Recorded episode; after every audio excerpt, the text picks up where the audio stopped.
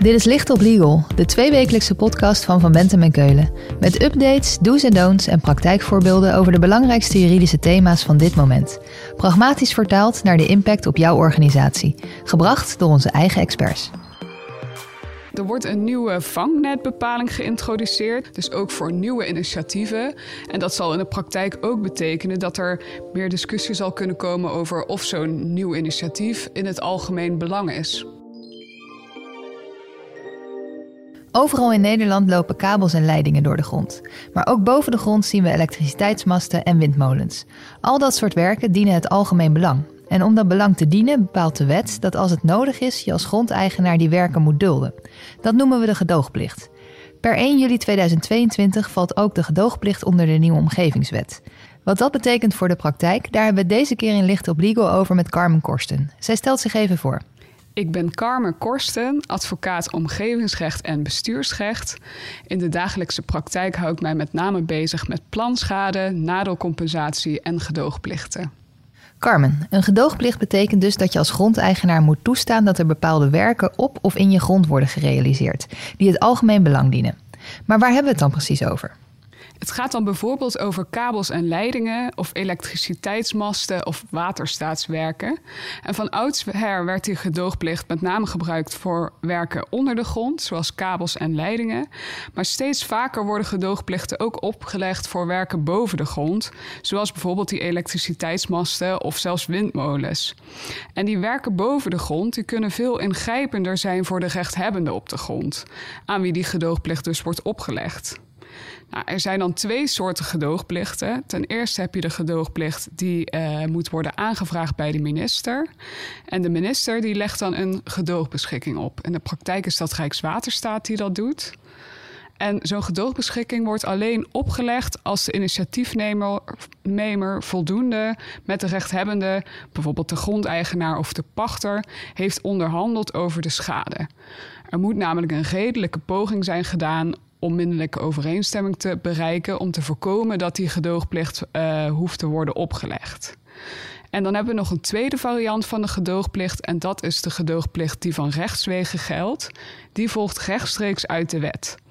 Zo hebben bijvoorbeeld in de wet luchtvaart een gedoogplicht van rechtswegen voor de exploitant van een luchthaven.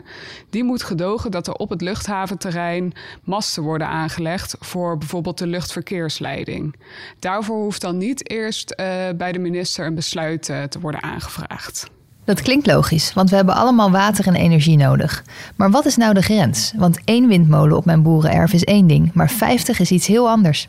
Ja, een gedoogplicht kan alleen worden opgelegd als wordt voldaan aan twee beginselen. Ten eerste de proportionaliteit. Dat houdt in dat een werk niet meer belemmering mag veroorzaken dan redelijkerwijs noodzakelijk. Dat kan bijvoorbeeld betekenen dat een werk meer naar de rand van een perceel moet worden verplaatst, of dat het, het werk minder hoog mag worden, zodat die percelen van die rechthebbenden dus minder worden belemmerd. En dan kennen we daarnaast ook nog het subsidiariteitsbeginsel. En dat vereist dat de belangenden van rechthebbenden eh, geen onteigening mogen vorderen. Dus als er een te groot gedeelte van het perceel in beslag wordt genomen, dan mag het werk niet meer worden aangelegd op grond van een gedoogplicht. Hey, en nu gaat, als het goed is, in de zomer van dit jaar de omgevingswet in. Daar hebben we het in deze podcast vaker over gehad. Wat verandert er dan specifiek voor die gedoogplicht? Ja, er zijn vier belangrijke wijzigingen. Ten eerste worden alle verschillende gedoogplichten gebundeld in de omgevingswet. Uh, daarnaast wordt er een nieuwe vangnetbepaling geïntroduceerd. Nieuw is ook dat er in bepaalde gevallen een gebruiksvergoeding moet worden betaald door de initiatiefnemer aan de rechthebbende. En tot slot komt er een uniforme uh, regeling voor rechtsbescherming tegen gedoogbeschikkingen. Dit zijn dus de vier belangrijkste wijzigingen. Laten we bij die eerste beginnen. De verschillende gedoogplichten worden dus gebundeld. Ja, onder het huidige recht zijn de gedoogplichten verspreid over heel veel verschillende wetten. Bijvoorbeeld de waterwet, de gaswet, de warmtewet en de elektriciteitswet. Uh, en daardoor moet men steeds in verschillende wetten bladeren om te kijken welke bepalingen nou eigenlijk van toepassing zijn. En in, de omgevingswet worden al die gedoogplichten samengebracht. Dus dat is veel praktischer. Alleen de gedoogplicht op grond van de telecommunicatiewet, die blijft apart bestaan. Oké, alle gedoogplichten worden samengevoegd, behalve die van de telecommunicatiewet. Waarom die niet? Omdat de gedoogplichten van de telecommunicatiewet die zien minder in mindere mate op de fysieke leefomgeving, waar dus die omgevingswet alles over regelt. En daarom is ervoor gekozen om die gedoogplicht apart te houden. Dus dat voor wat betreft de bundeling van die gedoogplichten. Dan had je het ook over een vangnetbepaling. Wat is dat? Ja, er wordt inderdaad een nieuwe vangnetbepaling geïntroduceerd. En op grond van die vangnetbepaling kan een gedoogplicht worden opgelegd voor andere werken van algemeen belang. Als dit wordt gerechtvaardigd door het belang van de openbare veiligheid of het beschermen van de fysieke leefomgeving of uh, zwaarwegende economische belangen of zwaarwegende andere maatschappelijke belangen. En zo'n vangnetbepaling die kennen we niet onder het huidige recht. Maar voorheen was het dus duidelijk afgebakend wat je wel of niet moest gedogen. Maar nu klinkt het alsof iedereen met een goed idee voor het algemeen belang kan vragen dat ik moet toestaan dat er een werk op mijn grond wordt gerealiseerd. Zo'n vangnetbepaling biedt inderdaad wel mogelijkheden voor nieuwe initiatieven, bijvoorbeeld ook in het kader van de energietransitie omdat voortaan ook een gedoogbeschikking kan worden aangevraagd voor andere initiatieven dan die standaard in de wet zijn genoemd. Mits dan wel een van die belangen wordt gediend die ik zojuist noemde. Je zou bijvoorbeeld kunnen schetsen of je zou bijvoorbeeld kunnen betogen dat de energietransitie een zwaarwegend maatschappelijk belang is. En dan zou je bijvoorbeeld kunnen zeggen dat een zonnepark een werk van algemeen belang is, waarvoor een gedoogplicht kan worden aangevraagd. En dit past ook bij de bedoeling van de omgevingswet om innovatieve ontwikkelingen te stimuleren. Dus het doel is om innovatieve ontwikkelingen te stimuleren. Maar hoe wordt nou eigenlijk vastgesteld dat iets het algemeen belang dient? Onder het huidige recht kennen we een soort voorprocedure waarbij eerst wordt vastgesteld dat sprake is van een algemeen belang. En dat is, kan handig zijn voor een initiatiefnemer, want die kan eerst die voorprocedure dan doorlopen en laten vaststellen dat het werk in het algemeen belang is. En dan beginnen met onderhandelen, uh, onderhandelingen met, uh, met rechthebbenden. En die voorprocedure die komt nu te vervallen. En alles gebeurt daardoor in één aanvraagprocedure. Dus pas als je al helemaal in die inhoudelijke procedure zit, wordt vastgesteld of dat nieuwe initiatief dat je hebt, of dat wel in het algemeen belang is. Dus daar schuilt voor, voor nieuwe initiatieven wel een zeker risico in. Oké, dus je zegt waar het vroeger aan de voorkant werd getoetst of iets het algemeen belang dient, wordt dat straks met de omgevingswet pas op het eind getoetst. Ja, nu is het in alle gevallen zo dat het inderdaad in één procedure aan het eind pas wordt getoetst. Dus dat is hoe het zit met die vangnetbepaling. Je had het ook over schadevergoeding bij het opleggen van die gedoogplicht. Was dat er eerst niet en nu wel?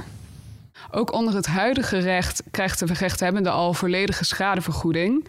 Nieuw is wel dat bepaalde initiatiefnemers aan de rechthebbende uh, onder bepaalde omstandigheden een gebruiksvergoeding moeten betalen. Het gaat dan om gedoogplichten specifiek uh, voor energie- en mijnbouwwerken. Maar initiatiefnemers die dan weer wettelijk als netbeheerder zijn aangewezen, dus die geen uh, commercieel belang hebben, die zijn uitgezonderd. Dus die hoeven die gebruiksvergoeding niet te betalen. Denk dan bijvoorbeeld aan Tennet of GasUnie, Eneco. Uh, en die gebruiksvergoeding die geldt ook voor gedoogplichten die op grond van die vangnetbepaling worden opgelegd. En in die situatie zijn bestuursorganen uitgezonderd, omdat die dus geen commercieel belang hebben. Dus ook die hoeven dan die gebruiksvergoeding niet te betalen. Maar in andere gevallen, dus waar meer commercieel belang speelt en waar je het dus hebt over gedoogplicht in het kader van energiewerken. Uh, is er een verplichting van de initiatiefnemer straks onder de omgevingswet om een gebruiksvergoeding te betalen aan rechthebbenden. En hoe wordt de hoogte van die gebruiksvergoeding dan bepaald? Ja, dat is wettelijk vastgelegd, maar dat hangt heel erg af van de omstandigheden en ook de, de schadevergoeding die de rechthebbende al krijgt. Uh, hoe zich dat verhoudt tot die gebruiksvergoeding. Duidelijk. En als laatste komt er nu een uniforme manier om naar de rechter te stappen. Kennelijk waren er eerst heel veel manieren. Hoe zit dat? Ja, klopt. Onder het huidige recht is die rechtsbescherming tegen gedoogbeschikkingen heel erg complex. In veel gevallen kan men voor een gedeelte van die gedoogbeschikking naar, de, uh, naar het gerechtshof en het andere gedeelte bij de bestuursrechter. Uh, en in andere gevallen moet men weer rechtstreeks naar de Raad van State in beroep. En dat is voor rechthebbenden ontzettend ingewikkeld. En onder de omgevingswet uh, wordt het dan zo dat de bestuursrechter exclusief bevoegd is om die gedoogbeschikkingen te toetsen. En dan staat gewoon beroep in twee instanties open. Eerst naar de rechtbank en dan naar de Raad van State. En voor die schadevergoeding moet in alle gevallen naar de burgerlijke rechter worden gegaan. Dat is nu ook al zo. Eén loket dus, veel duidelijker. Maar nu ben ik projectontwikkelaar. Of andersom, ik heb veel land. Wat gaat dat voor mij in de praktijk betekenen? Ja, voor de projectontwikkelaar zal het betekenen dat hij voor meer initiatieven een gedoogplicht kan aanvragen. En voor de rechthebbende betekent het dat hij in meer gevallen kan worden geconfronteerd met een gedoogplicht. Daar staat wel tegenover dat de rechthebbende dus onder de omgevingswet aanspraak kan maken op een gebruiksvergoeding bij meer commerciële projecten. En die omgevingswet gaat dus, als alles meezit, op 1 juli 2022 van start. Vanaf wanneer krijgen we hier dan in de praktijk al mee te maken? Volgens het overgangsrecht worden aanvragen om een gedoogplicht nog volgens het huidige recht afgehandeld als het gedoogplichtdossier voor de inwerkingtreding van de omgevingswet eh, ter inzage is gelegd. En vooruitlopend daarop heeft Rijkswaterstaat al eh, een bericht rondgestuurd en gezegd: als je nog onder het oude regime wil vallen, dan moet je voor 1 maart een aanvraag voor een gedoogbeschikking indienen, omdat er alleen dan nog voldoende tijd is om dat dossier te behandelen en uh, voor 1 juli 2022 ter inzage te leggen. Dus als je nog onder het oude recht wil vallen, moet je haast maken. En als er nou één ding is wat ik moet onthouden, wat is dat?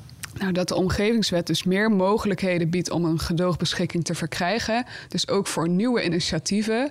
En dat zal in de praktijk ook betekenen dat er meer discussie zal kunnen komen over of zo'n nieuw initiatief in het algemeen belang is. Carmen, dankjewel. Als we meer willen weten, waar kunnen we dan terecht? Je kan me altijd mailen op carmenkorsten.vbk.nl. En als je meer wil weten over het thema gedoogplichten, dan verwijs ik graag naar onze nieuwsbrief Aftellen naar de Omgevingswet. Mijn collega's van het team Omgevingsrecht en ik publiceren daarin iedere maand vier blogberichten, waarin een specifiek thema over de Omgevingswet wordt uitgelicht. En deze maand behandelen Frank Mulder en ik het thema gedoogplichten en bespreken wij in vier blogs de grootste veranderingen in de Omgevingswet, de vangnetbepaling, de gebruiksvergoeding waar we het net al over hebben gehad en het overgangsrecht. Dit was Licht op Legal, een podcast van Van Bentem en Keulen. Te beluisteren via Spotify, Apple Podcasts of je eigen favoriete podcast-app. Wil je meer weten? Heb je suggesties voor een onderwerp? Of wil je dat onze experts hun licht laten schijnen op jouw juridisch vraagstuk? Laat het ons weten via vbk.nl/slash lichtoplegal.